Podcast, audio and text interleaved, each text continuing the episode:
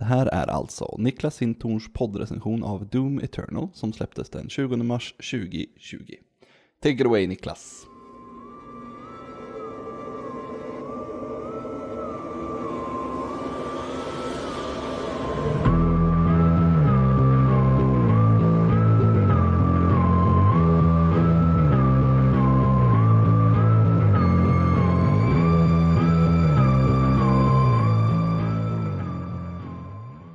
Nystarten av Doom var min och många andras absoluta favorit det fantastiska spelåret 2016.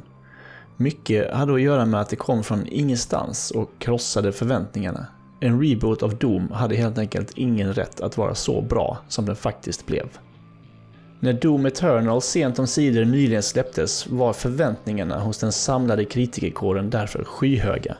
Hur följer man upp ett så fantastiskt actionspel som blåste nytt liv i den äldsta skolans First Person Shooter? id Softwares svar på den frågan är tydligt. Extra allt. Demonerna har intagit jorden och mänskligheten är så gott som utplånad. Dags för Doomslayer att masa sig ur sitt gigantiska rymdfort och ge helvetesprästerna en knogmacka. Banorna är större än sist, mycket större. De är så stora att det ibland är svårt att komma igenom en under en normal spelsession.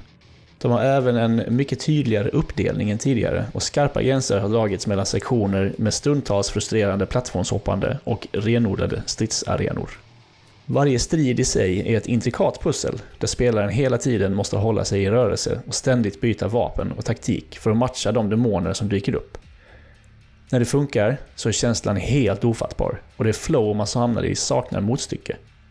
Men när man måste hålla reda på tio olika vapen med två modifikationer vardera, två sorters granater, motorsåg för att få tillbaka ammunition, en eldkastare för att fylla på rustning och glory kills i närstrid för att fylla på hälsa, ja, då är det rätt lätt att lista ut att stunderna med perfekt flow inträffar ganska sällan. Extra allt innefattar även uppgraderingar av förmågor och utrustning. Spelaren har inte mindre än fyra olika valutor för vapenmodifikationer, direktuppgraderingar och för att låsa upp saker i det, som allt annat, på tok förstora rymdfortet. Ett nytt spel betyder såklart nya fiender för Doomslayer att spränga i bitar. Några, som Pain Elemental och Archvile, är klassiker från Doom 2.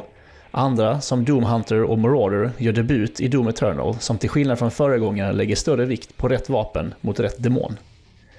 Detta leder till ett frenetiskt bytande av vapen för att skjuta sönder delar på fienderna och inte slösa för mycket ammunition med fel vapen. Gott så, tills den där jäkla Marauder dyker upp. Plötsligt blir skjutaren ett fightingspel eftersom han bara går och skadar på exakt rätt avstånd och vid exakt rätt tillfälle. Det är kul de första gångerna han dyker upp, men när han för tionde gången tittar in i en strid som gubben i lådan, då är man rätt trött på den jäveln. Det finns multiplayer i Doom Eternal också, icke att förglömma. Eller jo, den är lätt att glömma. Den är med sitt Demoner mot Doomslayer-upplägg visserligen bättre än den multiplayer i Doom 2016 som ingen spelade. Men eh, låt oss vara ärliga, det är inte för att bli kallad könsord av brittiska pubertetskillar samtidigt som man frenetiskt försöker sikta på en Slayer som far omkring som en jäkla studsboll som man söker sig till Doom. Doom Eternal är till syvende och sist ett stundtals fantastiskt spel. Bara det att de stunderna är alldeles för få och kommer alldeles för sällan. När striderna klickar är det nästan lika kul som föregångaren, men ingenstans är det lika tight och lika adrenalinstint som sist. Det är svårt att tro att det är sant, men det är helt enkelt för mycket Doom. Vi avslutar denna recension med att låta Doom Eternals lead designer, tillika gitarrlegendaren Yngwie Malmsten, berätta om filosofin som ligger bakom hur det här spelet faktiskt kom till.